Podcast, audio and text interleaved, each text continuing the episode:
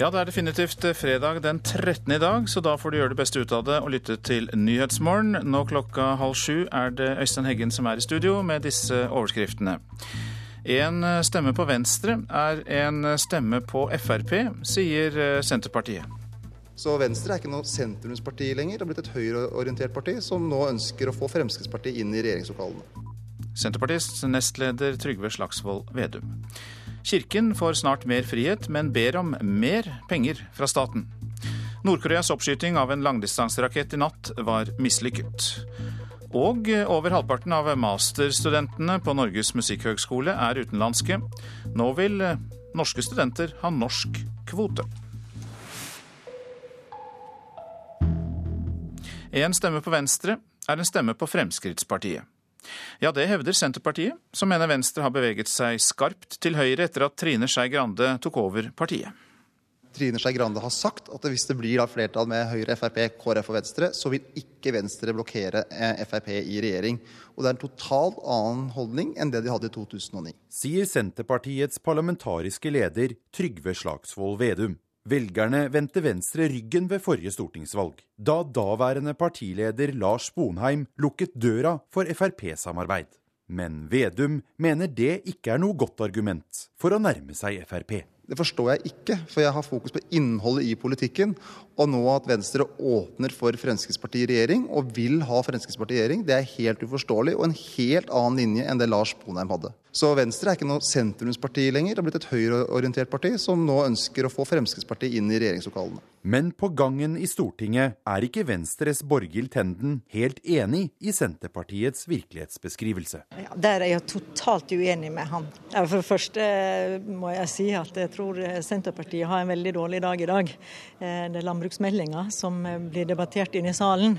Eh, og det ser ikke ut for de har fått så veldig mye gjennomslag. Eh, så det er nok et utslag for egen frustrasjon, tenker jeg. Stortingsrepresentanten vil likevel ikke gi noe klart svar på om Venstre kan sitte i regjering med Fremskrittspartiet. Vi ønsker regjeringsskifte, og vi ønsker å sitte i regjering sammen med Høyre og Kristelig Folkeparti. Og Hvis Fremskrittspartiet blir med i det samarbeidet? Eh, vi, vi, står på det vi har sagt hele tiden, at vi ønsker å fortsette det gode samarbeidet fra Bondevik II-regjeringen. Reportere her Ellen Sporstøl og Sindre Heierdal. Kort tid før Den norske kirke får mer frihet fra staten, ber den om mer i statlige overføringer. Går det som leder Svein Arne Lindø i Kirkerådet vil, bør det offentlige bruke mer penger på kirken når den er blitt litt mindre statskirke. Først og fremst så gjelder det å fullføre eh, trosopplæringsreformen. Det er for mange barn og unge i menighetene våre som ikke har fått del i disse midlene og i denne satsingen. Så til det trenger vi mer midler. Det er det ene. Og det andre er at i de endringstidene vi er i nå, så trenger vi å følge opp medlemsmassen vår på en annen og tettere måte. Og det trenger vi òg midler til. Med grunnlovsendringene denne våren skal Den norske kirka bli mer selvstendig. Den har i lang tid bedt om å bli mindre statsstyrt. Nå får den utnevne sine egne biskoper. Men penger fra staten vil kyrkja ha mer av. Fordi regjeringa ikke har gitt det som er lova kyrkja til å drive trusopplæring. Dernest er ei ny og mer demokratisk kirke dyrere, sier kirkerådsleder Linde. Kanskje først og fremst å følge opp demokratireformen. fordi at Vi hørte statsråden i dag har sterke forventninger til at vi videreutvikler demokratireformen. Både i, i eh, valgordninger og i deltakelse. Og Det òg krever penger. Så kanskje det er et av de tiltakene som kommer til å koste oss ganske mye penger framover, skal vi gjøre det på en skikkelig måte. Men på kirkemøtets første dag ble det en strid om tallene mellom staten og kyrkja. Der kirkemøtedelegatene sa misfornøyde ting som dette. Som flere har nevnt, er bevilgningen fra sist statsbudsjett altfor lite. Men jeg er ikke stolt, fordi at vi er ikke får penger til trosopplæring. Kom kirkeministeren med helt andre tall. Og Da kan dere ta opp blokka og notere. Summerer vi dette her, 2003-tall, 1 milliard 23 millioner 842 000 i, i 2012 1 milliard 575 millioner 927 000. 56% økning. Konsumprisindeksen i samme perioden ifølge SSB, sniksjekka på kalkulatoren nå, 15,6. Kirkeminister Rigmor Aasrud fra Arbeiderpartiet utdyper til NRK at hun kjenner seg forplikta til å støtte trusopplæringsarbeidet mer. Men ellers gir hun ikke kirka store forhåpninger.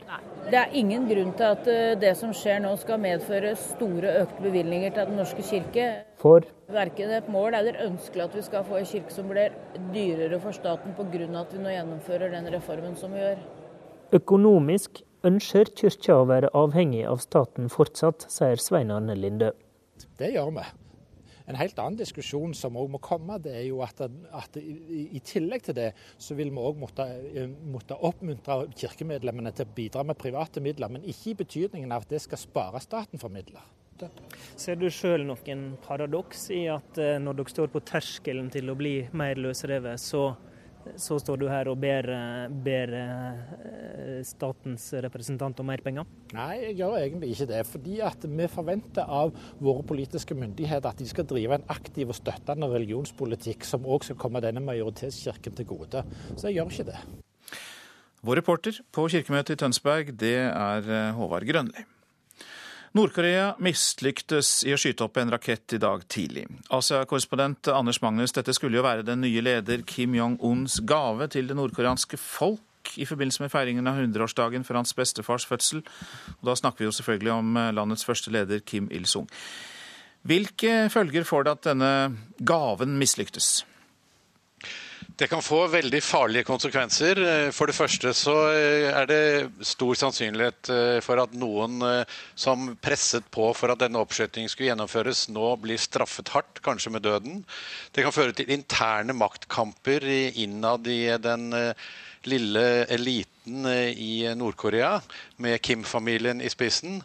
Men det kan eh, mest sannsynlig også føre til eh, nye eh, militære Eh, maktdemonstrasjoner, som f.eks. at Nord-Korea gjennomfører en tredje prøvesprengning med atomvåpen, eller at de foretar et angrep på sitt eh, naboland i sør, Sør-Korea, for å vise at landet fortsatt har eh, militære muskler etter denne, dette pinlige nederlaget med den raketten som hele verden har vært vitne til, også fordi de har invitert inn utenlandske journalister til Nord-Korea nå. Nå mislyktes jo oppskytingen da, men den har jo likevel blitt fordømt av både USA og G8-landene Sør-Korea og Japan. Så øh, hvilken betydning kan dette få for Nord-Koreas øh, posisjon internasjonalt? Blir enda, øh, de blir nok enda mer isolert. Landet er jo blant de mest isolerte i verden allerede. Nå har Kina også vært veldig kritisk til eh, denne rakettoppskytingen. Så det kan også være at Kina nå i større grad distanserer seg fra Nord-Korea, selv om de ennå ikke har fordømt oppskytingen. Men eh, eh mange land som USA, Japan, Sør-Korea truer nå med ytterligere sanksjoner. Og skjer det, så kan nok spenningen eh, på Koreahalvøya øke ytterligere, fordi da føler Nord-Korea seg presset inn i et hjørne og svarer vanligvis på, på slike ting med militære utbrudd som eh, prøvesprengninger, angrep og andre maktdemonstrasjoner. Så det, vi går nok inn i en veldig spent og trolig farlig tid nå. Mange takk skal du ha, Asia-korrespondent eh, Anders Magnus. Så til eh, avisenes forsider her hjemme. Tiggerne skal ut, skriver Aftenposten. Regjeringen vil utvise utenlandske tiggere som styres av bakmenn. Forslaget skal hindre menneskehandel. Juridisk floke gir bråstopp i retur av etiopiere, skriver Klassekampen. Etiopiske myndigheter krever fingeravtrykk av de som skal returneres, for å utstede nødvendige reisedokumenter. Det har norsk politi sluttet å gjøre, fordi det er tvil om de har lov til det. Os kommune tjener stort på å tilby lokal kontantstøtte framfor barnehageplasser, skriver Vårt Land. Gunstig for kommunen at flest mulig er hjemme med barna, sier ordfører Terje Søviknes fra Fremskrittspartiet. Det går fra vondt til verre i Europa, er oppslaget i Dagens Næringsliv. Nobelprisvinner Joseph Stiglitz sier at det ene landet etter det andre kommer til å få problemer med å forbli i eurosamarbeidet. Per Olaf Lundteigen talte sitt parti midt imot, er oppslaget i Senterpartiet. Han fremmet motforslag til landbruksmeldingen fra egen regjering i Stortinget i går. Og valgforskere kan ikke huske at noe lignende har skjedd før. Beatles-signaturene på Rockheim-utstillingen er trolig falske, får vi vite av Adresseavisen. Ledende eksperter mener signaturene på de 36 plateomslagene er falske. Ledelsen ved Rockheim i Trondheim krever dokumentasjon fra samleren bak utstillingen. Nordlys skriver at utesteder spiller ulovlig musikk. Streamingtjenestene Spotify og Wimp blir brukt i strid med lisensavtaler i Tromsø og ellers i landet, skriver avisa. Statoil kutter i pensjonene til ansatte med opptil 150 000 kroner, skriver Stavanger Aftenblad. Ytterligere innstramninger i ordningen varsles. Den sittende ledelsen skjermes mot kutt. Statsministeren måtte stole på nettavisene, skriver Dagsavisen om informasjonssvikten 22.07. Media visste mer enn Jens Stoltenberg. Dyp uenighet knuser kollegenes rapport om Anders Behring Breivik. Det skriver Dagbladet. Avisa har sammenlignet de to rettspsykiatriske vurderingene. Nytt krefthåp etter norske forskerfunn er VGs oppslag på forsiden. Professor Ola Myklebost ved Radiumhospitalet forteller at kreft på ulike steder av kroppen kan ha samme årsak, og at det gir nye muligheter til behandling.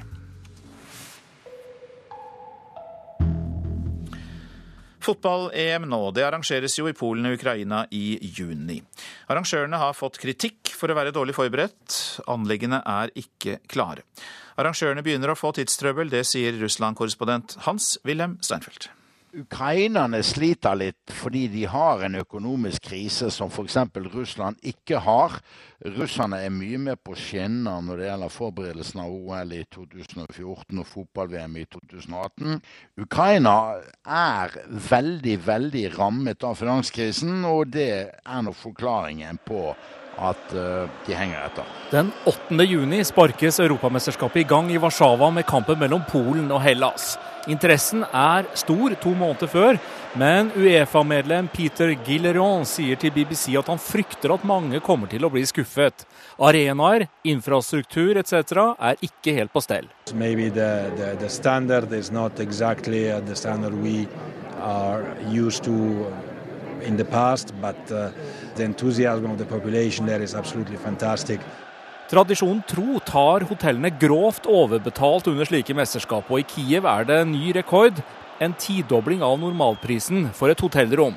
Det er jo bortimot en skandale at spekulanter på hotell- og privatleilighetsmarkedet i Ukraina har tidoblet prisene både nå under kvalikene og ellers under eh, eh selve mesterskapet i juli. Eh, og det er nok noe som ukrainske myndigheter burde se på, fordi det reduserer veldig anseelsen til Ukraina blant titusener f.eks. av tyske fotballentusiaster som skal komme til Kiev og plutselig få seg en kjempeoverraskelse når det gjelder hotellregningene. I det siste har det også murret blant politifolk i Warszawa og Kiev om at sikkerheten ikke er god nok. Men Steinfeld tror ikke det blir noe problem. Nei, det er ikke det. Og polakkene bærer naturligvis eh, ved til et bål som er egentlig en, en, refleks av deres egen eh, interesse. Eh, ukrainerne fikser nok sikkerheten, men det er mer bekymringsfullt fremdriften på den eh, entreprenørmessige siden når det gjelder å få arenaene ferdigstilt. Ja, Det sa Russland-korrespondent Hans-Wilhelm Steinfeld, og reporter her var Pål Thomassen. Du lytter til Nyhetsmorgen. Klokka den nærmer seg 6.44. Dette er hovedsaker. Nord-Koreas oppskyting av en langdistanserakett i natt var mislykket. En stemme på Venstre er en stemme på Fremskrittspartiet, sier Senterpartiet. Mener Venstre har beveget seg skarpt til høyre. Kirken får snart mer frihet, men ber om mer penger fra staten. Jeg har ikke noe behov for å se på Anders Behring Breivik. Det sier Tarjei Jensen Beck fra Hammerfest, som skal vitne i 22. juli-rettssaken. Han har allerede vært i Oslo for å prøve vitneboksen i Norges største rettssal. Altså, du har jo vitneboksen eh, midt i rommet, da, eh, og det er jo der jeg blir å stå. Og han har tenkt å stå i vitneboksen. Lederen i Finnmark AUF, som på Utøya ble skutt i kneet og knuste den ene ankelen da han falt ti meter fra et stup. Og så har du eh, til venstre, da, eh, så har du eh, en del, bl.a. bistandsadvokatene, og til høyre så sitter jo forsvareren og, og tiltalte. da. Har du tenkt noe om du skal se på han? Nei, altså det blir jo, Man skal jo se på fagdommerne, så det blir jo å stirre rett frem. som er, er Så jeg har ikke noe behov for å se på han. det har jeg ikke. På Utøya så han gjerningsmannen flere ganger. Sammen med ei anna fra Finnmark satt han gjemt under en klippe. Gjerningsmannen kom så nær at de hørte pusten hans. I rettssal 250 i Oslo tinghus skal han stå to-tre meter unna gjerningsmannen. Rett før påske tok Tarjei den lange turen fra Hammerfest til Oslo for sjøl å se rommet der han skal vitne. Han fikk også lese hvordan Anders Behring Breivik har forklart seg i avhør. Nei, Det er jo det at han eh, forklarer kanskje ting veldig kaldblodig. Det er jo brutalt. Det er jo ikke, det er jo ikke hyggelig lesning heller, så det går jo av og til noen grøss ned gjennom kroppen. På kontoret til bistandsadvokaten blar han gjennom avhør sammen med mor Vivi Brenden Beck. Det er måten han beskriver ting på, måten han har forberedt seg på, som er tungt å lese. Og jeg tenker at det er det han Tarjei skal være forberedt på. altså Når han skal være i retten de første dagene og høre hans forklaring, så skal han være forberedt på at han tenker på en uh, kald og brutal måte.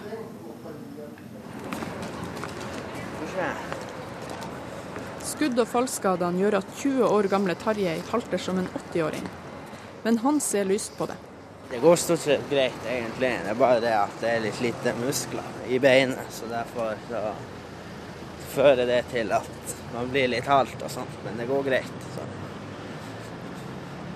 Har du fått vite, Kommer du til å bli god noen gang i foten? Ja, det kommer, jeg kommer jo til å kunne, kunne gå vanlig. og sånt, Men jeg kommer jo aldri til å bli bli noe toppidrettsutøver, men det var vel heller aldri planen, så da, da går det greit. På mandag starter den tiltalte sin forklaring i Oslo tingrett. Den har ikke lederen i Finnmark AUF tenkt å prioritere. Jeg har ikke noe behov for å høre på, på hans eh, bisarre meninger. Han har vært inne i salen og prøvd vitneboksen. Han har lest avhør. Han har snakka mye med advokaten. Men er det egentlig mulig å forberede seg? Nei, det går jo selvfølgelig neppe å være, være eh, helt forberedt på noe sånt, men, men man må nå prøve, i hvert fall. Det sa Tarjei Jensen Bech fra Hammerfest til reporter Eva Marie Strand. I Syria ser det fortsatt ut til at våpenhvilen holder. I går stanset regjeringshæren beskytningen av de opprørskontrollerte områdene. Nå diskuterer FN muligheten for å sende observatører inn i landet. Og vår korrespondent i Midtøsten, Sigurd Falkenberg Mikkelsen, du er i grenseområdene. Og ja, kan du bekrefte at våpenhvilen holder? Vi har i hvert fall ikke fått uh, nye meldinger om voldshandlinger inne i Syria. Dette blir i så fall den første rolige natten på svært lang tid for den syriske sivilbefolkningen.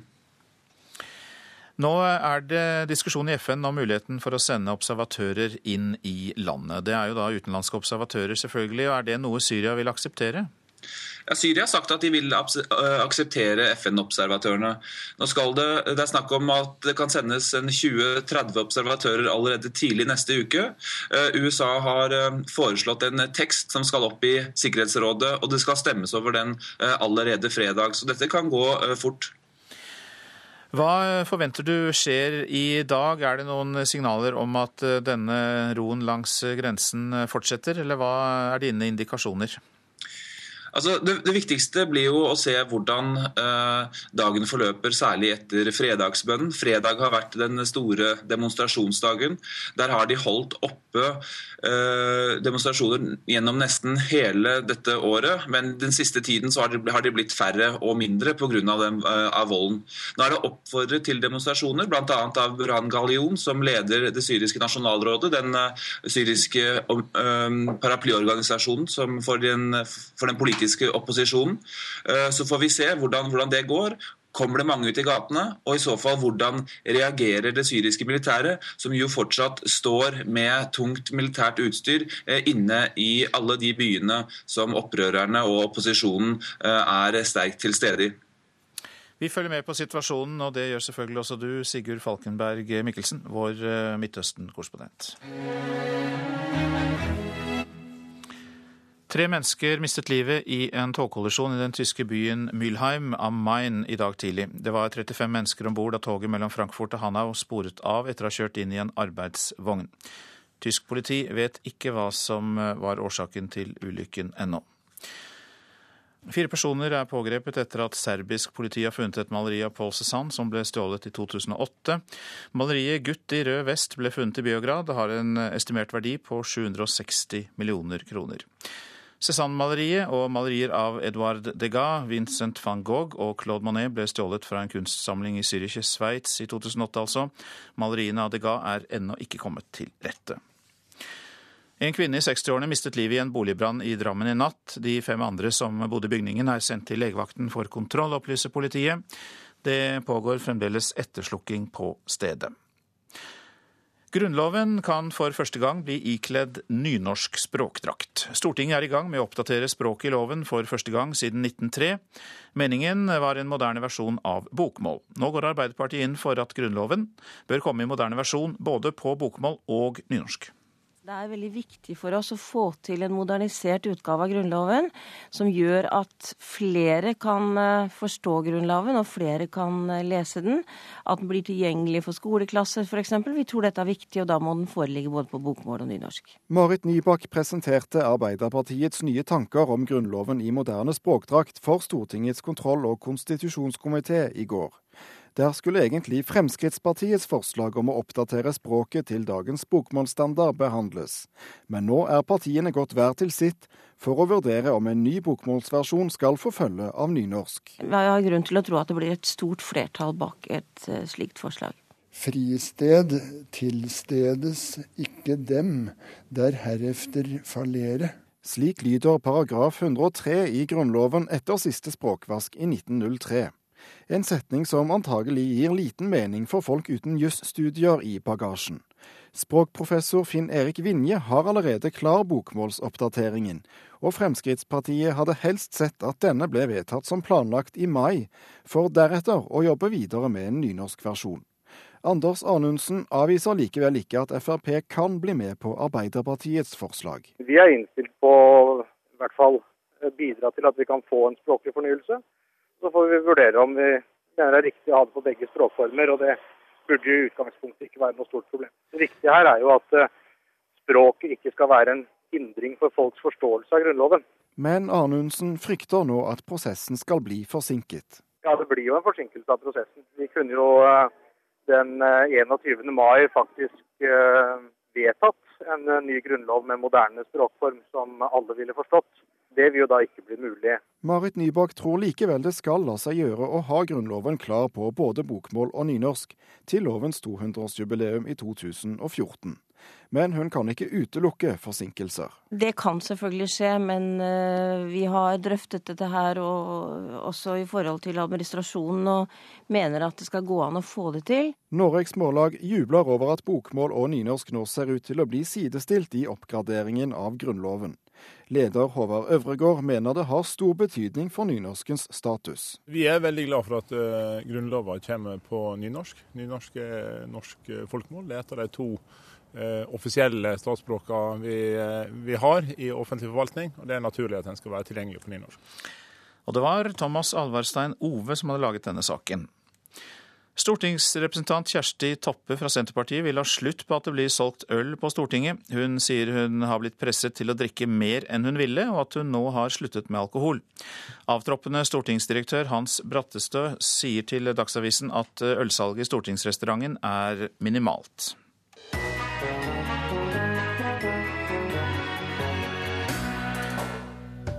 Rettssaken mot Anders Behring Breivik starter på mandag, og 68% av oss er lei av hele saken. Men har vi lov til det? Er vi ikke moralsk forplikta til å holde ut og forholde oss til 22. juli-rettssaken fordi den er en så viktig del av vår samtid og vår historie? Vi snakker om terrortretthet i Radioselskapet klokka 11.03.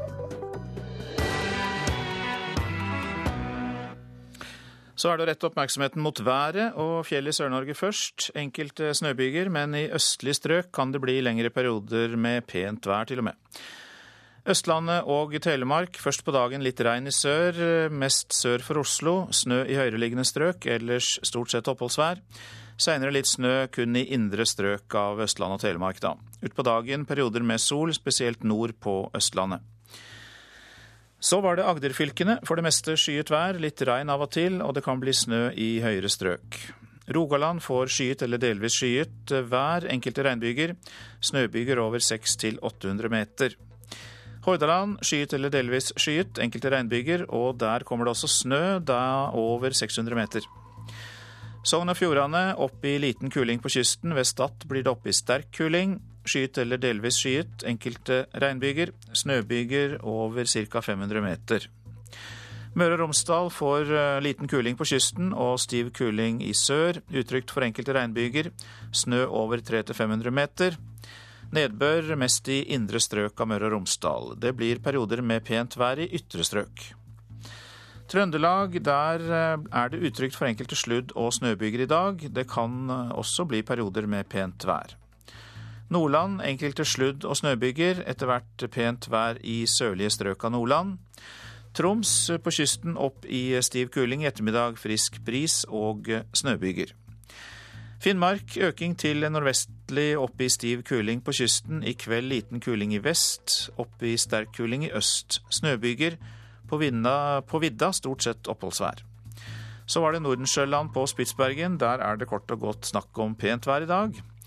Temperaturer som er målt klokka fem. Svalbard lufthavn minus tolv. Kirkenes og Vardø begge pluss én.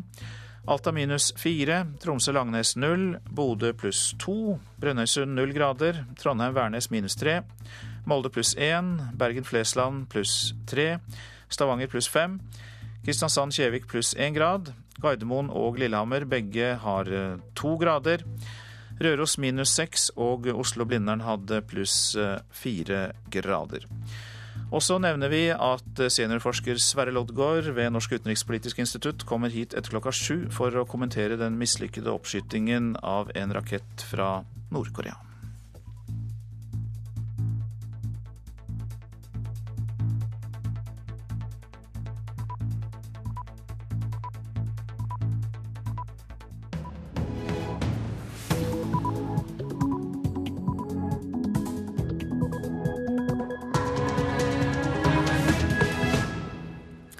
Klokka er sju, og du lytter til Nyhetsmorgen. Her er Øystein Heggen i studio. Dette er en nyhetsoppdatering. Nord-Koreas oppskyting av en langdistanserakett i natt var mislykket. Det kan få veldig farlige konsekvenser. Er det stor sannsynlighet eh, for at noen eh, som presset på for at denne oppskytingen skulle gjennomføres, nå blir straffet hardt, kanskje med døden? Det var altså korrespondent Anders Magnus. Institusjoner må få lov til å GPS-overvåke demente. Det mener både Fremskrittspartiet og Datatilsynet. Bakgrunnen er av hensyn til brukeren sjøl, for å gi brukeren større trygghet, en bedre hverdag. Det sa Gjermund Hagesæter. Norske statsråder reiser nesten aldri til EU-hovedstaden Brussel. Hvorfor får vi vite mer om, og eh, vi lufter også muligheten for å rette noe kritikk mot dette. Og vi skal høre at de ansatte ved Opplysningen 1881 eh, i Lærdal mister jobben. I tillegg så er det smertefullt for dem eh, å bli hengt ut i konkurrentenes reklamekampanje. Nei, Jeg tykker det er usmakelig å drive på med det nå, i den situasjonen som vi er i. Blitt nedlagt, så har vi vel egentlig mer enn nok med oss sjøl i den situasjonen som er. Og LO-topp advarer eh, mot, om storstreik dersom arbeidsgiverne, ikke, dersom arbeidsgiverne på tvers av sektorene ikke møter krav om å begrense innleie og utleie av arbeidskraft. 지구 관측위성 광명성 3호가 궤도 진입에 성공하지 못했습니다. 우리나라에서 첫 실용위성 광명성 3호 발사가 Ja, det er uh, nyhetsoppleseren som vi da ofte ser og hører fra Nord-Korea når noe skjer der i landet. Og det var ingen glad melding hun kom med i dag på nordkoreansk statlig fjernsyn. Nord-Korea skjøt opp en langdistanserakett i dag tidlig, men den gikk i stykker og styrtet i havet bare minutter senere. Og seniorforsker Sverre Loddgaard ved Norsk utenrikspolitisk institutt, velkommen. Mange takk.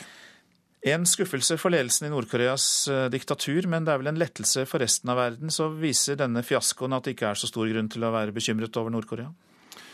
Ja, Lettelsen måtte jo være at eh, dette viser at Nord-Korea ikke har noen kjernefysisk krigføringsevne over lange avstander. Men eh, prestisjenederlaget er enormt denne gangen. For dette skulle jo være det spektakulære elementet i feiringen av Kim-dynastiets eh, fortreffelighet. Så her har den unge lederen Kim Jong-un eh, fått sin første krise i fanget, og konsekvensene er ganske uoversiktlige. Ja, for eh, de inviterte jo også utenlandske journalister til å komme og overvære denne, det som skulle være en uh, stor markering av 100-årsdagen for uh, Kim Il-sungs fødsel. De har vel aldri satset så mye PR-messig som de gjorde denne gangen, og altså med et nedslående resultat for så vidt satellitten ikke kom ut i rommet. Men denne fiaskoen kan da ha problematiske virkninger både innad og utad i Nord-Korea? Ja, eh, i 2006 og 2009 eh, da foretok de også eh, prøver med langtrekkende raketter. Da ble disse prøvene etterfulgt av en kjernefysisk prøve. Og Det er det noe som tyder på at de har tenkt denne gangen også. Og så er det jo slik at Et forsøk er et forsøk, i strid med de minste to resolusjoner fra FNs sikkerhetsråd, som møtes i, i ettermiddag. Eh, så det forhandlingsopplegget som man ble enige om i februar, eh, det blir i det minste stilt i bero, men antagelig faller det fra hverandre. Så de har vist svakhet, og da ønsker de kanskje å kompensere ved å vise styrke. Kan et eh, angrep på Sør-Korea også komme? Ja, det, Man kan ikke utelukke noe, noe, bestemt, men det tror jeg har ganske så lav sannsynlighet. En ny kjernefysisk test er mye mer sannsynlig. Og folk innad i Nord-Korea de får kanskje ikke vite så mye om det som har skjedd? Jo, denne gangen har faktisk eh, regimet opplyst om at eh, utskytingen var, eh, var mislykket. Ved tidligere anledninger så har de ikke vært fullt så sannferdige. Men noen bedring i matvaresituasjonen for innbyggerne i Nord-Korea blir det vel kanskje uansett ikke? Det er jo hungersnød hver vår i, i dette landet, og den lovede amerikanske matvarehjelpen den holdes jo nå tilbake. Mange takk for at du kom i studio, seniorforsker Sverre Lodgaard ved Norsk eh, utenrikspolitisk institutt. Hjem igjen til norske sykehjem, for de bør få lov å overvåke demente elektronisk med GPS. Det mener både Fremskrittspartiet og Datatilsynet. I dag er det ikke tillatt for institusjoner å feste en GPS-sender på en person som ikke selv har gitt samtykke. Men slik satellittovervåkning vil redde mange liv, ifølge Hovedredningssentralen på Sola. Bjarne Johansen han var borte i to døgn i fjor høst. Du, det var akkurat de to nettene på slutten av september at det var mildt og tørt. Dordi Johansen husker alt fra da mannen Bjarne forsvant i to døgn. Det gjør ikke han. Jeg hadde det fint, jeg. Du hadde det fint, ja. Bjarne husker verken fallet, at han ble forslått, eller at han ble liggende i to døgn i skogen. Folk var jo ute og syklet og lette, hadde Bærum var ute og lette etter ham. Men han hadde altså gått inn i skogen, så han lå altså midt i skauen. Han ble jo da funnet etter to døgn av et helikopter. Hovedredningssentralen i Nord- og Sør-Norge har siden 2009 hatt rundt 200 søk etter demente. Redningsinspektør ved Sola, Stein Solberg, ønsker seg et sporingssystem med GPS-sendere. Det ville være med å berge flere menneskeliv. Det er ikke tvil om det at det registreres flere hvert år som mister livet pga. at de ikke blir funnet tidsnok. Flere medlemmer av Fremskrittspartiet vil nå fremme et Dokument 8-forslag, et privat lovforslag i Stortinget, for at ansatte ved sykehjem skal få feste GPS-sendere på demente, selv om disse ikke har uttrykt samtykke. Det sier nestleder i kommunal- og forvaltningskomiteen, Gjermund Hagesæter. Bakgrunnen for dette forslaget er altså ikke å, spare ressurser fra det offentlige, men bakgrunnen er av hensyn til brukeren sjøl, for å gi brukeren større trygghet, en bedre hverdag. Hva slags lovendringer ser dere for dere for å få til dette? Det som vi først og fremst ser for oss, det er jo da at en stilltiende aksept da, ifra de som ikke har eh, beslutningskompetanse, skal være nok til å eh, eh, benytte dette. Da skal man altså se nå setter vi på deg en GPS-knapp hvis det er greit for deg, eller et GPS-smykke. Er det greit for deg? Og hvis vedkommende da ikke motsetter seg det, så er det tillatt. Forslaget får full støtte hos direktør i Datatilsynet, Bjørn Erik Thon. I dag så tror jeg nok at det regelverket er for strengt. Og det stenger for en fornuftig bruk av overvåkning av demente. Det kan være livreddende, det kan gi godt personvern. Så det syns jeg er et bra forslag, og jeg håper at dette blir fulgt opp videre. Bjarne bor fortsatt hjemme sammen med kona. og som ektefelle har Dordi lov til å sette GPS på ham. Etter forsvinningen kjøpte hun en sender som skal henge i et bånd på brystet. Men altså, det er det at han ikke vil ha den på seg. Hva er en GPS? Det er denne her. Så kan spore hvor den befinner seg, og kan finne deg hvis du har den på deg. Jeg vil helst ikke at du går ut alene nå, men med en sånn en, så ville jeg følt meg trygg. Ja, det sa Dordi Johansen eh, til sin eh, mann eh, Bjarne, som altså var borte i to døgn i fjor øst, og som nå har en sender på seg. Reporter Tonje Grimstad og direktør i Teknologirådet Tore Tenne, velkommen til oss. Takk. Ja, det er jo fordeler med å kunne spore opp demente med GPS, det har vi jo hørt gjennom dette innslaget. Men det er jo også dilemmaer når et menneske ikke selv kan bestemme om det ønsker å bli merket elektronisk. Ja, og det som er litt kinkig her, det er jo det at målgruppa er ikke alltid i stand til å gi samtykke. Ikke sant? Eh, det er folk som lider av demens.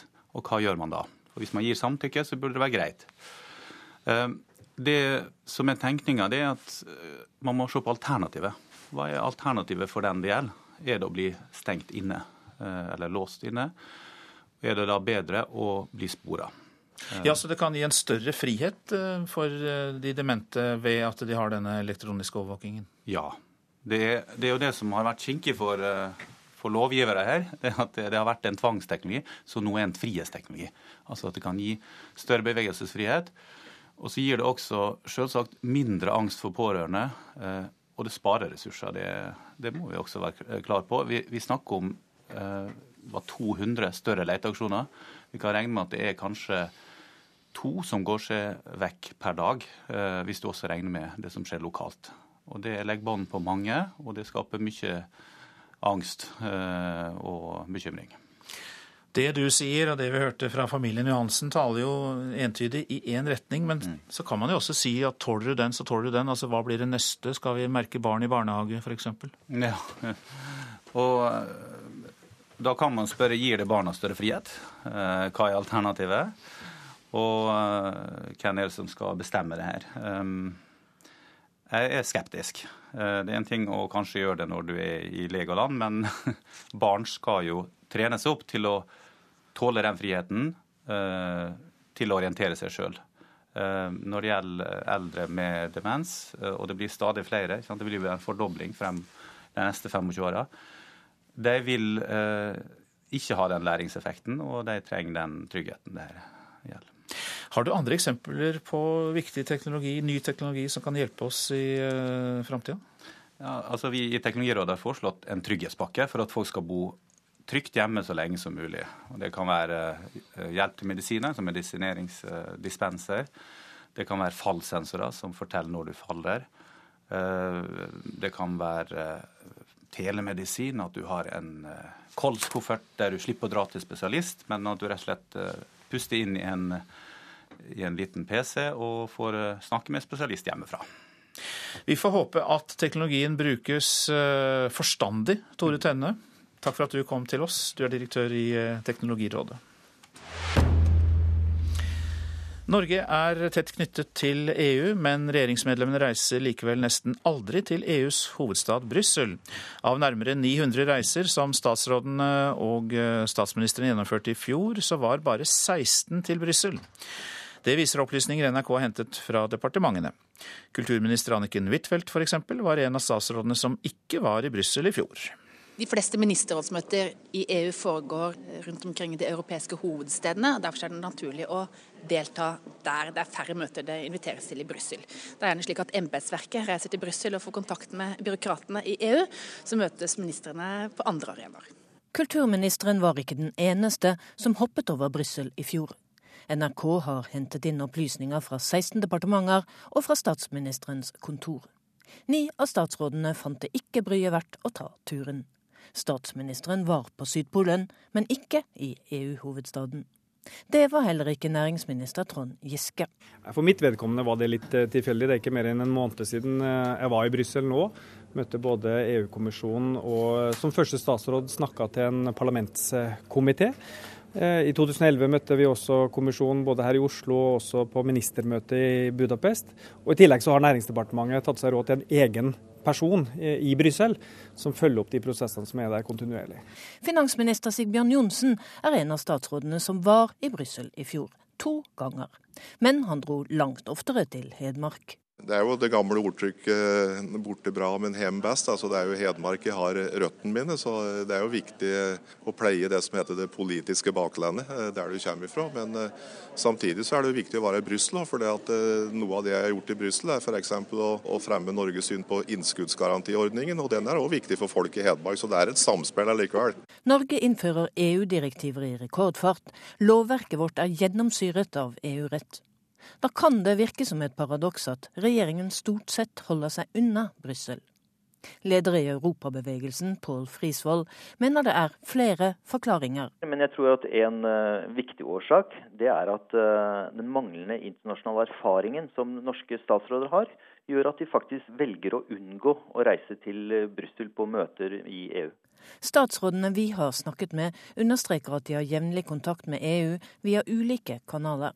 Men det holder ikke, mener Frisvold. Når man da først ikke er medlem, så er det veldig viktig å være til stede i Brussel. Til å lytte til diskusjonene. Hva mener de forskjellige landene, de forskjellige politiske aktørene? For derfor å kunne bidra konstruktivt inn i debatten. Brussel som by er ikke det viktige. Det viktige er å møte EU-kommisjonen eh, når vi trenger det. Ha gode folk som følger prosessene i EU, snakke med medlemslandene og møte på de ministermøtene som vi blir invitert til. Næringsminister Trond Giske. Reportere her Katrin Hellesnes, David Krekling og Håvard Grønli. Og så til deg, Petter H. Brubakk, direktør for næringspolitikk i NHO.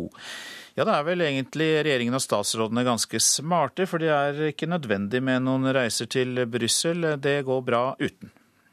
Ja, det er jeg nok ikke enig i, selv om det ikke er noen eh, automatisk sammenheng mellom at det å reise til Brussel og få, få til gode resultater. men Realiteten er jo at EU er det absolutt viktigste markedet for norsk næringsliv. Og det pågår en løpende og veldig omfattende regelverksutvikling som treffer norske bedrifter på, på, mange områder. og Da er det viktig at vi også på høyt politisk nivå er til stede og, og, deltar i de prosessene der vi kan. Ikke minst fordi vi selvfølgelig også er et utenforland og derfor må jobbe hardere enn andre for å kunne komme i inngrep med de prosessene som går. Ja, det er vel alle enig i, men på den annen side hørte vi jo her at de hadde representanter til stede, de hadde folk fra embetsverket. Så er det ikke mer tungvint at eh, statsrådene skal sitte og file på disse EU-reglene når andre kan gjøre det for dem, og så kan de ta de overordnede avgjørelsene? Det er, det er, jo naturligvis riktig. Jeg tror ingen mener at norske statsråder skal sitte i tekniske ekspertgrupper i Brussel eller andre deler av EU-området og, å, jobbe med tekniske spørsmål. Men det er også slik at man må vise en politisk interesse for å kunne gjøre den lille innflytelsen vi har gjeldende. Og det er jo slik at uh, Norge, eller hva skal jeg si, Norge fra tid til annen er blitt kritisert for å møte på for lavt nivå. At vi viser for liten interesse på tidligere, tidlige tidspunkt i sakene. Og, og kommer for sent inn og prøver å, å endre når, når toget på mange måter har gått. Så vi skulle ønske at det var større oppmerksomhet fra et samlet politisk Norge. Det kunne også være slik at Stortinget var mer interessert i å møte Europaparlamentet også. slik at den muligheten vi har til å kunne påvirke, påvirke, regelverk, som er veldig viktig for norske bedrifter, at den benyttes også på tidlige tidspunkt. Mer representasjon på høyt nivå etterlyser altså dere. Men hvor ofte reiser dere i NHO og de store bedriftene til, eh, til Brussel?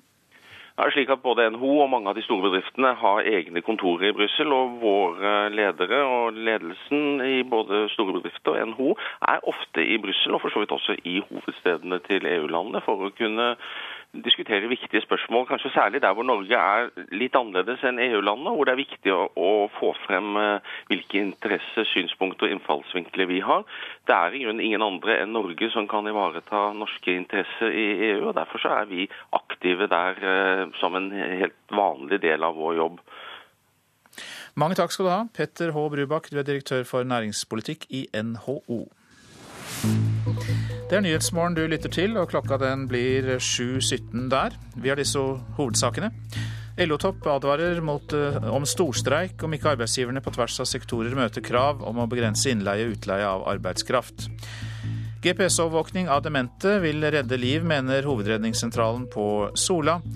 Og over halvparten av masterstudentene på Norges musikkhøgskole er utenlandske. Nå vil norske studenter ha norsk kvote.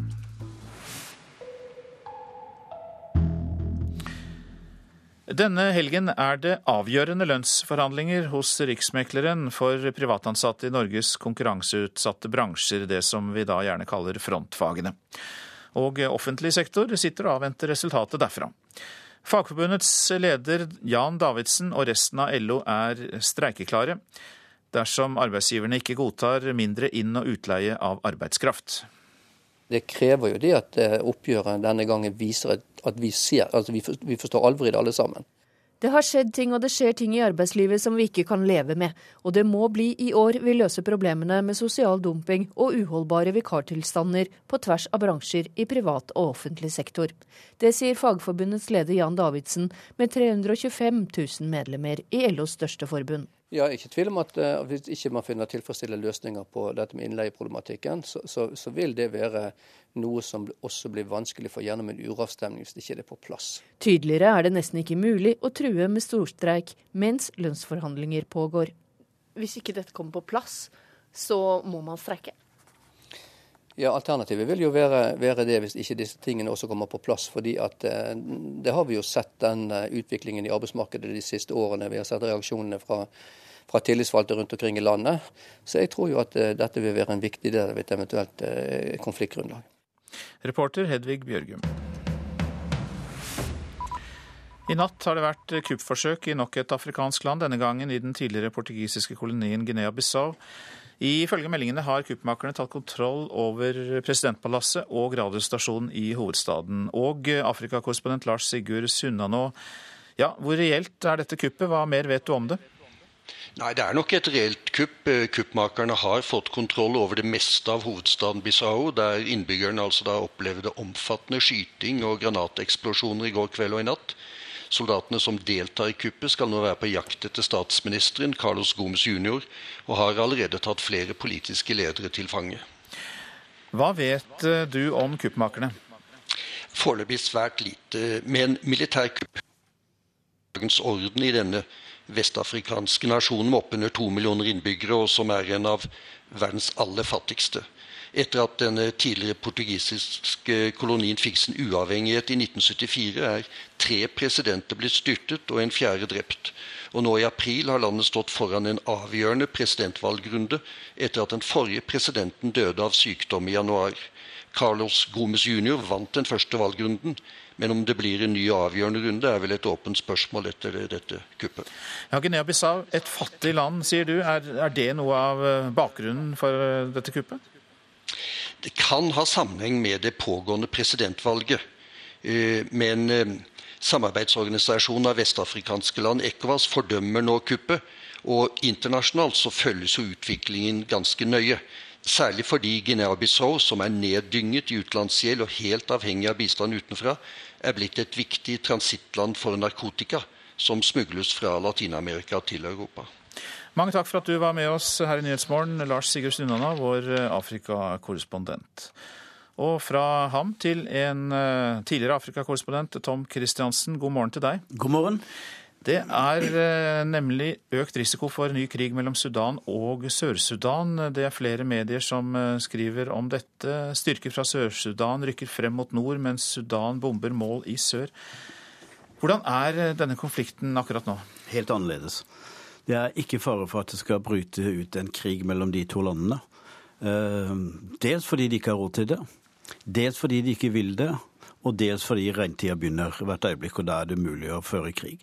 Det som har skjedd nå, er at eh, sør har rykket fram og inn i nord i et område hvor 50% av deres oljeproduksjon pågår, og stoppet produksjonen. Eh, nord har derfor bombet i sør. Og slik har man altså holdt på med det ene trekket etter det andre. Og her er det altså Husk, det er militære utdanna folk på, i nord og sør. President Salva Kiir i sør, som er en strålende fyr, han er en militær mann. De han har rundt seg, er militære. Det er altså militære som reagerer militært. Det Salva Kiir prøver å få til, det er å skaffe seg et grep til fredsforhandlinger så han har noe å forhandle med. Han har noen områder han kan trekke seg ut av som et kort i de forhandlingene som skal komme mellom al-Bashir, presidenten i nord, og ham selv. Al-Bashir sier 'jeg ser at mine brødre i sør har valgt krigens sti'. Der har vi ingenting å gjøre. Ja, men Du innledet med å si at du ikke trodde det ble noen krig mellom disse landene. Samtidig så beskriver du en situasjon hvor du har militære på begge sider, som da faktisk angriper hverandre, og du har sivilbefolkning sikkert som, som lider under dette. Så det er jo en krigslignende situasjon. Ja, det vil bli, men dette vil bli en episode. Det blir ingen ny stor krig mellom nord og sør. Men det det blir, det er eh, I et lite område vil det være en konflikt, og det er eh, mange sivile som er blitt eh, drept her. Det dreier seg ikke bare om noen bomber, det dreier seg også om eh, kamper på bakken. Så dette koker da ned til en kamp om ressursene i dette området, og vil kanskje da holde seg til det problemet? Da eh, fredsavtalen mellom nord og sør ble inngått, så var den ikke fullkommen. Eh, det ser vi nå. De var ikke enige om hvor grensene skulle gå. De var ikke enige om hvordan oljen skulle fordeles, og oljen ligger akkurat i dette grenseområdet. Så hver meter du flytter den grensa, så vinner eller taper du én milliard summa summarum. Det er noe av det som ligger der. Det andre er eh, hører disse områdene med til nord eller sør. For de har ikke lyst til å være en del av nord hvis de liksom føler seg hjemme i sør. Men nå har Sikkerhetsrådet grepet inn og sagt at eh, det må komme en eh, våpenhvile, og de må trekke tilbake styrkene sine. Og Da sier Salwa Kiir fra sør at eh, vi trekker ikke tilbake styrkene våre før nord har trukket ut styrkene sine fra Abyei, naboområdet hvor vi hadde en konflikt for, eh, for et, et, et, par år siden. De skal møtes i Addis Abeba til forhandlinger. Og det er eh, mulig at det kan komme noe. Fordi al-Bashir og Salwa Kiir det er to personer som har dyp respekt for hverandre, og som, som kan få til ting som, eh, som, som hva, hva, skal jeg si, militæret ikke kan få til. La oss, la oss håpe det, Tom Christiansen. Al-Bashir og Salwa Kiir, som da står på hver sin side i denne konflikten. Hjertelig takk for at du kom i studio. Vi skal si litt om hva avisene skriver i dag. Tiggere skal ut, skriver Aftenposten. Regjeringen vil utvise utenlandske tiggere som styres av bakmenn. Forslaget skal hindre menneskehandel. Juridisk floke gir bråstopp i retur av etiopiere, skriver Klassekampen. Etiopiske myndigheter krever fingeravtrykk av de som skal returneres for å utstede nødvendige reisedokumenter. Men det har norsk politi sluttet å gjøre, for de er i tvil om de har lov til det. Det går fra vondt til verre i Europa, er oppslaget i Dagens Næringsliv. Nobelprisvinner Joseph Stiglitz sier at det ene landet etter det andre kommer til å få problemer med å forbli i eurosamarbeidet. Og Statoil kutter i pensjonene til de ansatte med opptil 150 000 kroner, skriver Stavanger Aftenblad. Ytterligere innstramminger i ordningen varsles. Sittende ledelse skjermes. Samtidig som 58 ansatte ved Opplysningen 1881 i Lærdal er i ferd med å miste jobbene sine, så føler de at de blir ertet av konkurrenten 1888. TV-reklamer med småpludrende lærdalskvinner som gjør alt de kan for å dra ut tiden, er en ekstra belastning i en allerede tung tid, sier de snart arbeidsledige i Lærdal. Ventilasjonsanlegget surrer for seg sjøl, og ellers er det heller stilt i det nye, store lokalet. For ringer du opplysninga 1881, kommer du ikke hit til Lærdal lenger. Det som var 58 arbeidsplasser i fjor, er redusert til null fra 1.6 i år. Det har vært masse forskjellige reaksjoner, fra gråt til forbannelse til fortvilelse. For det at vi har ikke noen nye jobber i, i, på sikt. Det er voldsomt dårlig her i Lærdal. Tillitsvalgt Lilly Kvamme er lei seg og bytte demonstrativt kanal hver gang denne reklamen kommer på lufta. Nummeret til Håvard Tyllum, ja, da skal jeg fikse, vet du. Kjenner en som er Tyllum en gang jeg kan Jeg har bodd i Fetsjen og Drøm. Det er så bedritent, vet du. Hæ? I reklamen for Opplysningstjenesten 1888 står en mann i en bowlinghall og ringer til 1888 sin konkurrent. Tror jeg, men jeg tror ikke han lever lenger. Han har blitt det. Kvinna dreg ut tida på en dialekt Lilly Kvamme lett kjenner igjen. I pepperoni-pølsa så bruker de hestekjøtt hele tida. Ja, det er jo oss de prøver å ha på etter, men det er en dårlig etterligning, da, vil jeg si. Nei, jeg tykker det er usmakelig dem å drive på med det nå, i den situasjonen som vi er i.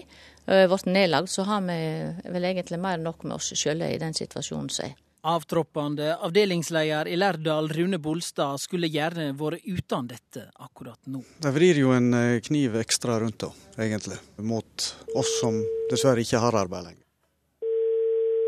1888, vær så god.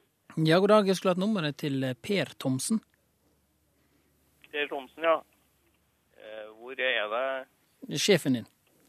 Det er sjefen min, ja. Etter ett minutt og åtte sekunder på tråden til de som markedsfører seg som den raske nummeropplysninga, får vi nummeret til sjefen. Det skal normalt stå på PC-en min, men det gjorde ikke det. skjønner Og kan spørre han om han ikke tykker det er nok nå, når damene i Lærdal er arbeidsledige og ute av dansen.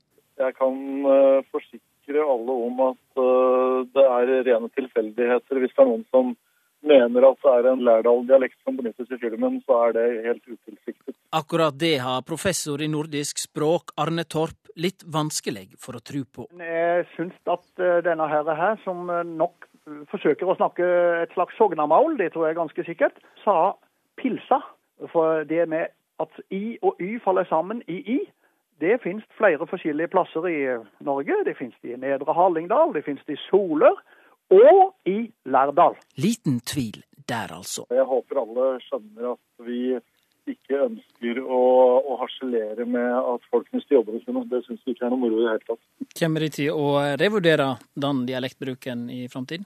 Ja, når dere nå tar det opp, og som sagt så er dette første gangen jeg hører det, så, så skal vi selvfølgelig gå i oss selv og kikke på den filmen som går nå, og, og også notere oss dette for framtidig reklameproduksjon. Det er sårende i den situasjonen vi er nå. Det tykker jeg. Til slutt er Lilly Kvamme, som er tillitsvalgt ved Opplysningen 1881 i Lærdal. Reporter Arve Uglum.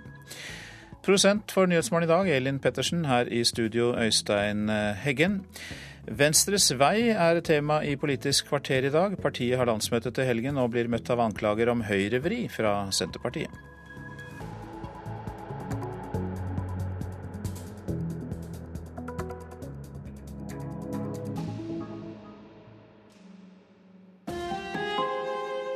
Hør ekko.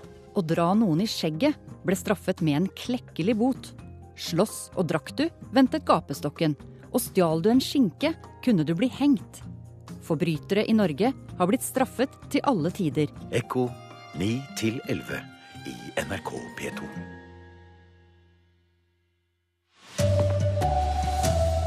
Nabolandene frykter hva som kan skje etter at Nord-Koreas rakettoppskyting i natt var mislykka. GPS-merking av demente ville ha redda liv, det mener eksperter. Og han kjente pusten av terroristen på Utøya. I retten vil 20-åringen ikke engang se på gjerningsmannen. Her er NRK Dagsnytt klokka 7.30. FN har kalla inn til ekstraordinært møte i Tryggingsrådet etter at Nord-Korea i natt forsøkte å skyte opp en satellitt i bane rundt jorda. På forhånd fikk det lukka landet sterke advaringer mot å skyte opp raketten. Flere har mistenkt Nord-Korea for at oppskytinga egentlig var en test av en ulovlig langdistanserakett.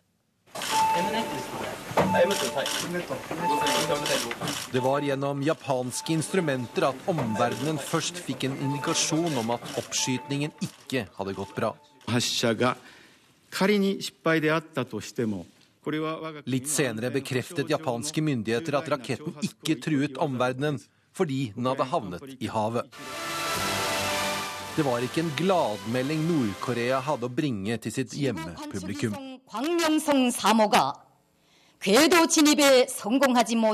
Oppleseren på statskontrollert fjernsyn sier at raketten ikke greide å plassere sin satellitt i bane. Informasjonen nå tyder på at raketten eksploderte kort tid etter oppskytning. Mellom ett og to minutter etter start gikk den i oppløsning. Reporter Halvard Sandberg. Og korrespondent Anders Magnus, hva slags internasjonale reaksjoner er det kommet etter at nordkoreanerne gjennomførte denne oppskytinga? De har vært svært skarpe og ikke noe mindre fordømmende selv om man altså mislyktes eh, med denne rakettoppskytingen. Dette er et brudd på FNs resolusjoner, og det skal også da tas opp i eh, FNs sikkerhetsråd i, i senere i dag. Det fører nok til eh, at Nord-Korea blir mer isolert, og dermed også et farligere regime som kan føle seg ydmyket uh, veldig mye etter denne, dette mislykte rakettoppskytingsforsøket. Ja, hva vil skje på dette ekstraordinære møtet i Tryggingsrådet i dag? Eh, det blir nok mer fordømmelse. Eh, det som eh, de nok kommer til å være ekstra bekymret for, er om Nord-Korea nå kommer til å gjennomføre andre typer maktdemonstrasjoner, som f.eks. en tredje underjordisk prøvesprengning av atomvåpen, eller om landet kommer til å gå til angrep mot naboen i sør, Sør-Korea, slik de gjorde i 2010, for å markere at eh, den nye leder er en maktfull person og har tatt kontrollen over det militære. Dette er de farlige scenarioer for Koreahalvøya som FN nå kommer til å måtte diskutere. Takk skal du ha, korrespondent Anders Magnus. Vi skal hjem igjen og høre at eh, sykehjemmer bør få lov å overvåke demente med GPS. Det mener både Fremskrittspartiet og Datatilsynet. I dag er det ulovlig å feste en GPS-sender på personer som ikke har sagt ja til dette, men det ville ha redda mange liv, ifølge Hovedredningssentralen på Sola. Bjarne Johansen forsvant fra heimen sin. Han ble ikke funnet før etter to døgn. Den streken der, det er det som var igjen av blåmerket. Dordi Johansen bretter opp sin manns genser og viser ham blåmerket på hans egen underarm. Det er akkurat der så du har vanskelig for å se det. Nå får du gi det. Men Bjarne husker verken fallet, skadene, de to nettene i skogen eller helikopteret som fant ham til slutt. Jeg hadde det fint, jeg. Du hadde det fint, ja. Hovedredningssentralene i Nord- og Sør-Norge har siden 2009 hatt rundt 200 søk etter demente. Redningsinspektør ved Sola, Stein Solberg, ønsker seg et sporingssystem med GPS-sendere. Det ville være med å berge flere menneskeliv. Fremskrittspartiet vil nå fremme et lovforslag for at ansatte ved sykehjem skal få feste GPS-sendere på demente, selv om de ikke har uttrykt samtykke. Det sier Gjermund Hagesæter. Bakgrunnen er av hensyn til brukeren sjøl, for å gi brukeren større trygghet, en bedre hverdag. Da skal man altså si nå setter vi på deg en GPS-knapp, og hvis vedkommende da ikke motsetter seg det, så er det tillatt. Forslaget får full støtte hos direktør i Datatilsynet, Bjørn Erik Thon. Det kan være livreddende, det kan gi godt personvern, så det syns jeg er et bra forslag, og jeg håper at dette blir fulgt opp videre. Som ektefelle har Dordi lov til å feste GPS på mannen. Etter forsvinningen kjøpte hun en sender som Bjarne skal ha i et bånd på brystet. Men altså, det er lurt at han ikke vil ha den på seg. Hva er en GPS? Det er denne her. Så du kan spore hvor den befinner seg, og kan finne deg hvis du har den på deg.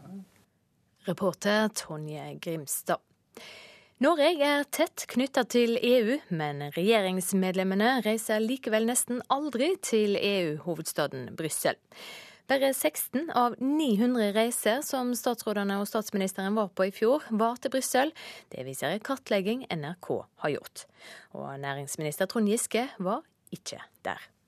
For mitt vedkommende var det litt eh, tilfeldig. Det er ikke mer enn en måned siden eh, jeg var i Brussel nå. Eh, I 2011 møtte vi også kommisjonen både her i Oslo og også på ministermøtet i Budapest. NRK har hentet inn tall fra 16 departementer og fra statsministerens kontor. Ni av statsrådene fant det ikke bryet verdt å ta turen til Brussel i fjor. Statsministeren var på Sydpolen, men ikke i EU-hovedstaden. Det var derimot finansminister Sigbjørn Johnsen to ganger. Men han dro langt oftere til Hedmark. Det er jo Hedmark jeg har røttene mine, så det er jo viktig å pleie det som heter det politiske baklandet, eh, der du kommer ifra. Men eh, samtidig så er det jo viktig å være i Brussel, for eh, noe av det jeg har gjort i Brussel, er f.eks. å fremme Norges syn på innskuddsgarantiordningen, og den er òg viktig for folk i Hedmark. Så det er et samspill allikevel. Norge innfører EU-direktiver i rekordfart. Lovverket vårt er gjennomsyret av EU-rett. Da kan det virke som et paradoks at regjeringen stort sett holder seg unna Brussel. En av årsakene er at de ikke vet å te seg, mener leder i Europabevegelsen, Pål Frisvold. Den manglende internasjonale erfaringen som norske statsråder har, gjør at de faktisk velger å unngå å reise til Brussel på møter i EU. Reportere Katrin Hellesnes og David Krekling. På Utøya var Tarjei Jensen Beck så nær Anders Behring Breivik at han kjente pusten hans. I rettssalen i Oslo tingrett skal han stå bare to-tre meter unna tiltalte, men AUF-eren har tenkt å se rett fram. Han sitter jo til høyre, da, eh, så man trenger jo ikke å se på han. Har du tenkt noe om du skal se på han? Nei, altså det blir jo, Man skal jo se på fagdommerne, så det blir jo å stirre rett frem som er Eh, så jeg har ikke noe behov for å se på han. det har jeg der. Før påske reiste Tarjei Jensen Bech tre og en halv time med fly fra Hammerfest til Oslo for å se rettssalen der han skal forklare seg. Så du har jo vitneboksen eh, midt i rommet, da, eh, og det er jo der jeg blir å stå. Og han har tenkt å stå i vitneboksen, sjøl om han halter når han går.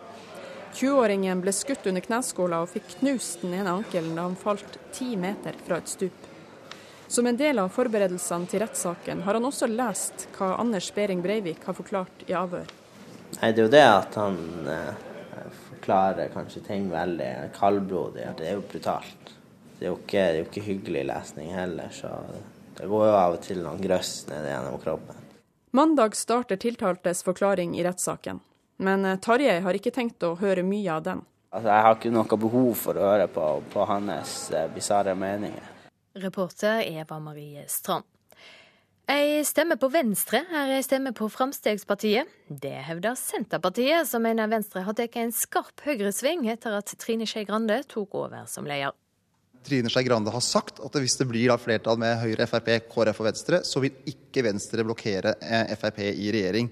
Og det er en totalt annen holdning enn det de hadde i 2009. Sier Senterpartiets parlamentariske leder Trygve Slagsvold Vedum. Men på gangen i Stortinget er ikke Venstres Borghild Tenden helt enig i Senterpartiets virkelighetsbeskrivelse. Ja, der er jeg totalt uenig med han. Og det blir straks mer om denne saka i Politisk kvarter. Reporter Sindre Heierdal. Så fotball. I går fikk Ståle Solbakken klar melding om at dagene hans i Køln er over, men nordmannen får støtte fra en rekke kjente trenere. I går var Bundesliga-eventyret over for Ståle Solbakken. 4-0-tapet mot Mainz på tirsdag fikk begeret til å renne over for klubbledelsen. Norske trenerprofiler følger med kollegaen. Det er meningsløst å sparke Ståle nå som det står igjen bare fire serieomganger. Generelt hjelper det veldig lite, sier Nils Arne Eggen til Dagsavisen. Til samme avis sier landslagssjef Egil Drille Olsen jeg hadde håpet at det kunne vart litt lenger, men sånn fungerer altså fotballen. Dette er tøft og veldig trist. Solbakken fikk ni måneder som sjefstrener i Køln. Nordmannen har måttet leve under et konstant press fra omgivelsene i den fotballgale byen. Nå er det slutt. Reporter Oddbjørn Visnes, NRK Dagsnytt, Silje Sande.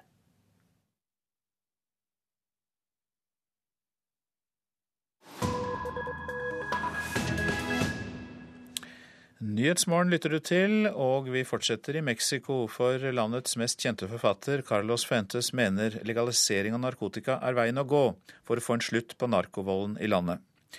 50 000 mennesker er drept i kampen mot narkotikakartellene de siste fem årene, og legalisering av narkotika også, blir også tema på et latinamerikansk toppmøte i Colombia i helgen. The major problem we have in Mexico is of course the drug trade. Det største problemet i Mexico i dag er selvfølgelig narkotikatrafikken og volden som følger med den. Er problemet uløselig? Jeg tror ikke det. Det sier den verdensberømte forfatteren Carlos Fuentes, som jeg møter i hans hjem i Mexico by. Den tidligere diplomaten er 83 år gammel, men fortsatt svært engasjert i landets politikk. Nå vil han ha legalisering av narkotika, for å få en slutt på den brutale narkovolden i landet. Politikken med å kriminalisere narkotika har vist seg å være feilslått, sier Fuentes. So by little by little uh, legalizing or depenalizing drugs, you're going to have a better panorama than this one, the present one, of prohibiting drugs, uh, which has failed. Like utenfor byen Monterey nord i landet ble sju taxisjåfører brutalt drept på begynnelsen av denne uka. På TV-bildene ser vi røde og hvite folkevognbobler på rekke og rad. På den ene sida er dørene åpnet. Utenfor ligger sjåførene, skutt og drept.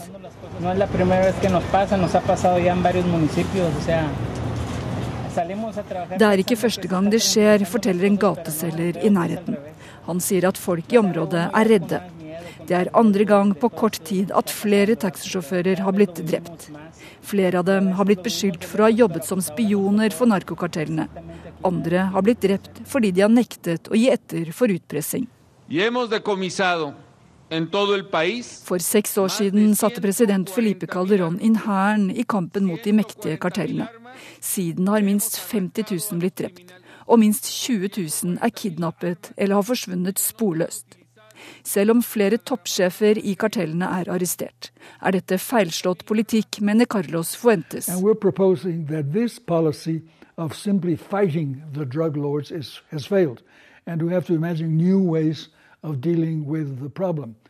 Og Fuentes er ikke den eneste i Latin-Amerika som nå vil ha legalisering av narkotika. For narkotikatrafikken holder på å ta kvelertak på flere land i regionen. Vold, korrupsjon og politikere som står på kartellenes lønningslister, er noen av problemene. Og Organisasjonen av amerikanske stater, OEA, mener at narkotikatrafikken nå truer både stabiliteten og demokratiet i flere latinamerikanske land.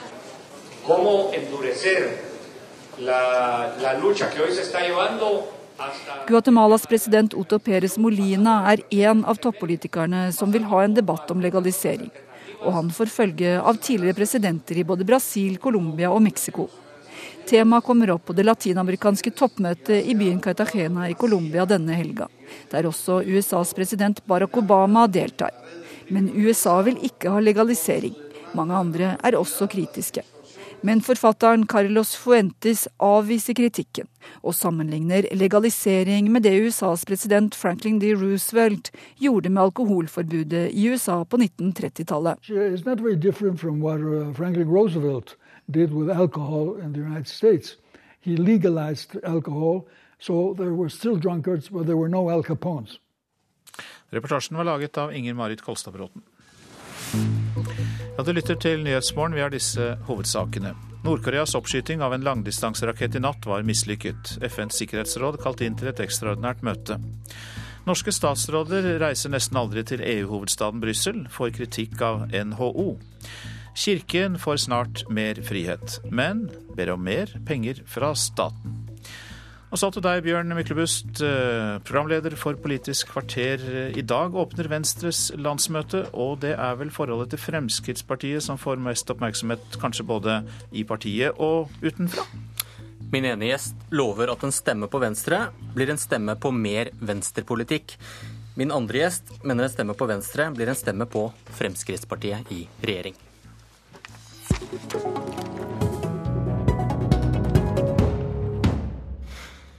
I går vedtok Venstres sentralstyre en innstilling til landsmøtet om regjeringssamarbeid. Dette kuttet er ikke fra i går. De skal få lov personlig å komme til meg på, på gården min og banke meg opp hvis ikke jeg holder denne, denne lovnaden. Venstre sitter med denne helt avgjørende nøkkelrollen, garantisten mot at Fremskrittspartiet får regjeringsinnflytelse i norsk politikk. For dette var 2009, og så skal jeg lese fra i går.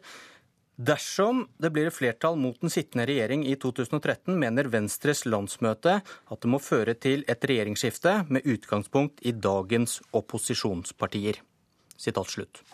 Nestleder i Venstre, Ola Elvestuen, velkommen. Jo, takk. Hva har skjedd? Er, vi har en regjering som har stått stille i seks og et halvt år. Her leverer man ikke noen klimapolitikk. Man det var ikke spørsmålet mitt. Spørsmålet mitt var hva har skjedd fra Sponheims garanti i 2009 til det dere vedtok i sentralstyret i går? Vi har et behov for å få en ny regjering i Norge for å gjennomføre mer venstrepolitikk. Det er innenfor klima, det er liberal politikk generelt, det er eh, for å bedre forholdene for småbedrifter, satsing på forskere, forskning og høyere utdanning. Da må vi ta utgangspunkt i opposisjonspartiene for å få en ny regjering. Da er det klart at vi må snakke sammen for å håndtere de uenighetene som opplagt er på, på eh, borgerlig side. Det er en uenighet fra Fremskrittspartiet og Venstre når det gjelder klima, når det gjelder innvandring, og dette må vi kunne håndtere etter et valg, og det er denne uttalelsen tar utgangspunkt i. Men har Venstre flyttet seg politisk, siden det er lettere nå å holde døra åpen for Fremskrittspartiet? Nå er dette først og fremst en uttalelse for å få Venstre i posisjon og gjennomføre vår politikk. Og vår politikk er like radikal som det den alltid har vært. Og vi har et fokus på at vi trenger virkelig et nytt krafttak i forhold til spesielt miljøpolitikken, som står helt stille. Du trenger det på forskning, høyere utdanning, og vi trenger det på område etter område. Og som parti så må vi jo i posisjon for å gjennomføre den politikken. Har dere flyttet dere politisk? Vi bygger på en 125 eh, år gammel tradisjon. Og det er den bredden i Venstres liberale politikk som er grunnlaget for partiet nå, som det det har vært i hele vår historie. Leder i SV, Audun Lysbakken. Hva har skjedd?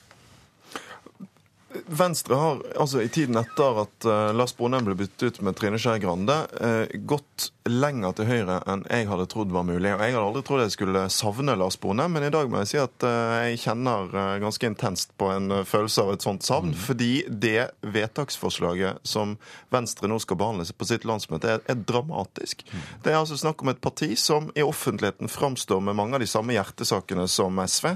Klimapolitikken, kampen for en rausere asylpolitikk som nå altså vil åpne opp for regjeringsforhandlinger med Fremskrittspartiet. Det partiet som fornekter klimaendringene, som står for den aller strengeste innvandrings- og asylpolitikken. Og Det betyr altså at en stemme til Venstre i stortingsvalget neste år er en stemme for at Fremskrittspartiet skal få makt i Norge. Det tror jeg veldig få venstrevelgere hadde tenkt seg. Dette er veldig freidig, for det er jo ingen tvil om at de som står for den mest eh, innvandringsfiendtlige innvandringsfrie politikken i dag, og de som har den strammeste asylpolitikken, er dagens regjering med SV, og SV må ta ansvar for det som skjer der. De som nå ikke gjennomfører noen ting i forhold til klima. Her sånn står vi helt stille. Det er dagens regjering med SV som må ta ansvar for at de går sammen med Arbeiderpartiet for at det ingenting skjer. Og Det er der problemstillingen det er. Og det vi legger vekt på, er at vi må altså for nettopp få en ny kurs på disse områdene, så må vi ha en ny regjering. Og Venstre så planta akkurat på samme sted i disse spørsmålene nå som vi har gjort tidligere. Om mulig så ønsker vi enda mer radikale tiltak på klima innenfor asylpolitikken så må vi altså få på plass en, en, politikk som tar hensyn til enkeltmennesker, og ikke bare systemene, som Arbeiderpartiet og SV står for. Og Venstre har tenkt å gjennomføre det vi, når vi kommer i posisjon. så har Vi tenkt å gjennomføre. Vi kommer ikke til å stå på plenen utenfor Stortinget og protestere og være hellige i forhold til egne standpunkter. Men jeg skjønner godt at du vil i regjering, Elvestuen, men i regjering skal man for å få til noe. Eh, siden vi begynte å samarbeide med Arbeiderpartiet, så har vi altså fått vernet Lofoten og Vesterålen. Vi har langt større jernbaneinvesteringer enn den gangen Venstre satt i samferdselspolitikken. Og vi har rausere regler for barn på flukt. Men så er det jo ingen tvil om at jeg eh, har ofte diskusjoner med Arbeiderpartiet, skulle ofte gjerne kommet lenger i den typen saker, men at svaret på det skal være å sette seg ned og utvikle kompromisser på disse områdene med det partiet som står aller lengst fra deg, det er jo et svar som ikke henger på greip på noen Svaret måte. Svaret på dette handler om å være et sentrumsparti og utnytte den posisjonen du har i sentrum i forhold til å ha kraft til å kunne gjennomføre. Og Det er jo nettopp forskjellen på SV og Venstre. Venstre har en posisjon i norsk politikk hvor du kan bruke dette for å få til gjennomslag, der SV er avhengig av Arbeiderpartiets gunst for å få et eller annet til. Men det dette illustrerer, er nettopp at Venstre ikke lenger er et sentrumsparti. Venstre er blitt et høyreparti. Eh, og det er bare den endelige eh, bekreftelsen på en utvikling vi har sett i Stortinget hele denne perioden, der det har vært en voldsom høyredreining i Venstres eh, politiske grunnlag i alle økonomiske, sosiale arbeidslivsspørsmål osv. Elvestuen, kan vi da slå fast at hvis det blir en borgerlig regjering, så vil dere være en garantist for en borgerlig? Eh, nei, Hvis det blir borgerlig flertall, så vil dere være en garantist for en borgerlig regjering, selv om dere ikke sitter i den regjeringen? Vi går til valg på at, at vi skal få til en ny grønn og liberal eh, borgerlig regjering. Men du skjønte spørsmålet? Og da må, da må Eh, partiene på borgerlig side også være villige til å snakke sammen for å kunne håndtere de uenighetene som var. For vi legger ikke skjul på at det her er det uenigheter mellom partiene på borgerlig side, men det må vi kunne håndtere. Og for Venstre så mener vi da, og det ligger også i uttalelsen, så mener vi at det beste svaret vil være en regjering med Høyre, Venstre og KrF. Det er greit, men nå til spørsmålet. Dere vil ikke blokkere en dannelse av en Høyre-Frp-regjering? Vi mener igjen at det her må ja, men Svar på spørsmålet, ikke gjenta det du sa i stad. Vi må kunne snakke sammen på borgerlig side for å håndtere uh, de, for å håndtere uenigheten. Og vårt mål er selvfølgelig selv å være i, en regjering for å håndtere, for å, å, få gjennomslag for vår miljøpolitikk, for å få gjennomslag på våre uh, saker. Men vi må kunne snakke sammen for å håndtere Hva betyr uenighetene. Det? Hva betyr det? Det betyr nettopp at her er det behov i dette landet for å få en ny regjering. Nå har vi stått stille i seks og et halvt år. Nå, treng, nå, trenger vi en ny posisjon. Men dere må, være i stand til å svare på om dere vil gjøre det dere skriver i uttalelsen, nemlig gå i forhandlinger med Fremskrittspartiet. Dere skriver veldig tydelig at dere vil gå i forhandlinger med alle opposisjonspartier. Det nytter ikke å si det på den ene siden og være garantist for regjeringsskifte, og så komme her og prate ull om det. En stemme til SV neste år det er en stemme på SVs politikk, men det er også en stemme for at Arbeiderpartiet og Senterpartiet skal være med på å styre. En stemme til Venstre. Det vil selvfølgelig være en stemme på Venstres program, men det er nå også en stemme for at Fremskrittspartiet skal være med og forhandle om hvem som skal styre Norge. En stemme på Venstre er en stemme for at vi får en mer radikal klima- og miljøpolitikk. Med Fremskrittspartiet eller ikke? Vi må, snakke, vi må snakke sammen, alle partier på borgerlig side, fordi vi, fordi vi må håndtere de uenighetene som er. Og det er en opplagt eh, posisjon å ha i forhold til at man skal få til en ny politikk i dette landet, og det er det det er behov for. Men du vil ikke svare klart ja eller nei på om Venstre vil stille seg i veien for dannelsen av en regjering der Fremskrittspartiet med. Jeg skjønner at dere ser det som unaturlig å sitte i regjering med Fremskrittspartiet. Vi sier at vi må snakke sammen alle partier på borgerlig side for å håndtere den, de uenighetene som er. Og en stemme på Venstre er en stemme for å få gjennomslag for vår politikk. Det er det vi skal få til. Men når dere da sier en grønn regjering, dere snakker om asylpolitikk, da kan man vel like gjerne tro på at dere må si nei da, til en regjering med, der Fremskrittspartiet er med, hvor det er så stor avstand? Vi må, bruke, vi må få en ny regjering for å få en ny politikk. Og det er nettopp på de områdene hvor det er store uenigheter at du selvfølgelig må kunne snakke sammen for å få til en ny, eh, få til en ny kurs. Og dette er selvfølgelig Nå skal vi vi skal vinne en posisjon i et valg som gjør at vi har muligheten til å få skiftet ut dagens eh, rød-grønne regjering.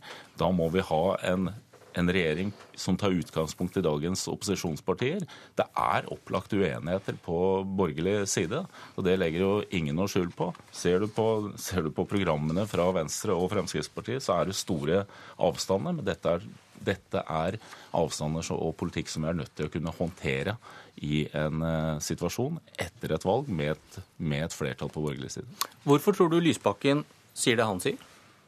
Dette er, dette er retoriske poenger som de kommer med hvert eneste valg. Jeg har vært vant til denne type retorikk fra Oslo gjennom eh, mange år. Og hvis du ser på Oslo som eksempel, så er det vel det som skjedde sist valg. Da var det akkurat det samme. Det er Venstre som nå kom inn i byråd, og du har hatt en situasjon de siste ti årene med satsing på kollektivtrafikk, med satsing på skole og en klimapolitikk som ligger langt i forkant av det regjeringen klarer å få til. Er dere bekymret når dere ser at de borgerlige begynner å finne sammen, Lysbakken? Det jeg er bekymret for, er at Fremskrittspartiet skal få være med og styre Norge. Eh, og bidra til å skape et land med dårligere vilkår for solidaritet, dårligere vilkår for en offensiv miljøpolitikk.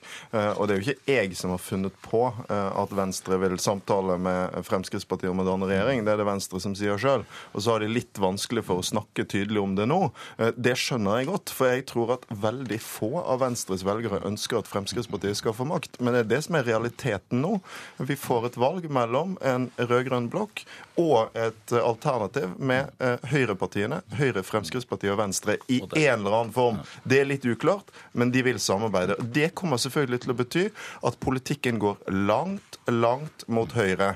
Eh, både i asyl- og miljøpolitikk, men også i økonomiske spørsmål, i spørsmål som har med arbeidsliv å gjøre, der Venstre allerede er et parti som ligger til høyre for Høyre i mange spørsmål spørsmål. Både når det gjelder en usosial fordelingspolitikk, og når det gjelder angrep på viktige velferdsordninger og faglige rettigheter.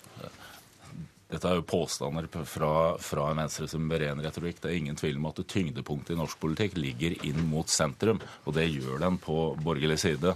Og den ligger ikke på det som er fløypartiene, som også SV representerer i regjering. Og det er klart, helt klart at en ny borgerlig regjering vil føre en politikk inn mot Høyre og sentrumspartiene. Og Der skal Venstre ha en sterk posisjon. Der skal vi nettopp gjøre det som dagens rød-grønne regjering ikke klarer å få til.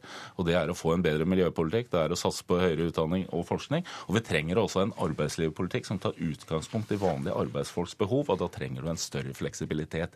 Det er det som er det valget kommer til å stå med. Ola Elvestuen, godt landsmøte. Takk, Takk også til Audun Lysbakken. Velkommen til Magnus Takvam, politisk kommentator i NRK. Hva har skjedd med Venstre fra denne sponheimske garantien vi hørte først her, til sentralstyrets vedtak om regjering i går?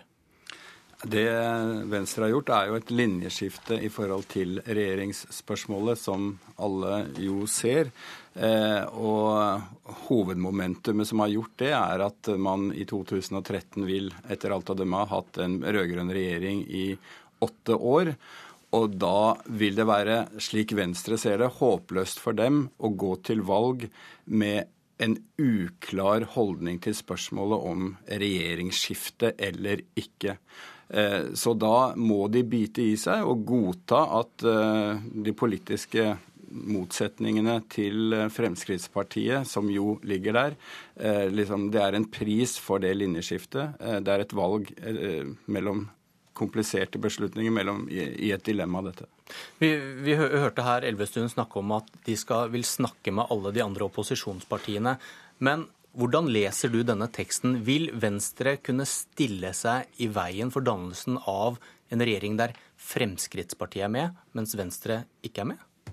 Nei, det går ikke an å, å, tolke det på en annen måte enn at i en gitt situasjon så vil eh, Venstre eh, måtte godta at f.eks. Høyre og Frp danner en regjering, fordi eh, de sier jo at det bør dannes en regjering med utgangspunkt i dagens eh, opposisjonspartier.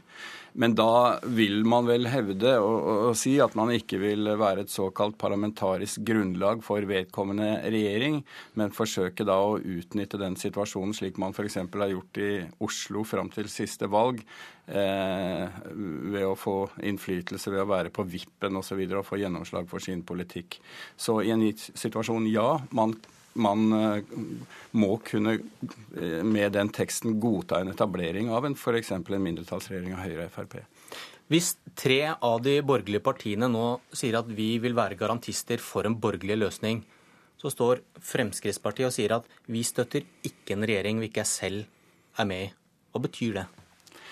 Det betyr at det er eh, det som har skjedd i forhold til eh, samordningen, om du vil, på borgerlig eh, side, er at man ser ut til å samle seg om det ene punktet, nemlig at et såkalt borgerlig flertall vil føre til en eller annen form for borgerlig regjering, men at man ikke klarer å eh, presentere et felles regjeringsalternativ, og heller ikke en felles politikk på alle områder. Det, og det betyr at Frp får jo en veldig stor skal vi si, De får en nøkkelrolle i forhold til det. Styrkeforholdet. Hvor sterkt Frp framstår fram mot valget i 2013 vil være et veldig viktig poeng her, også for Venstre. Takk, Magnus Takvang. Og det var Politisk kvarter.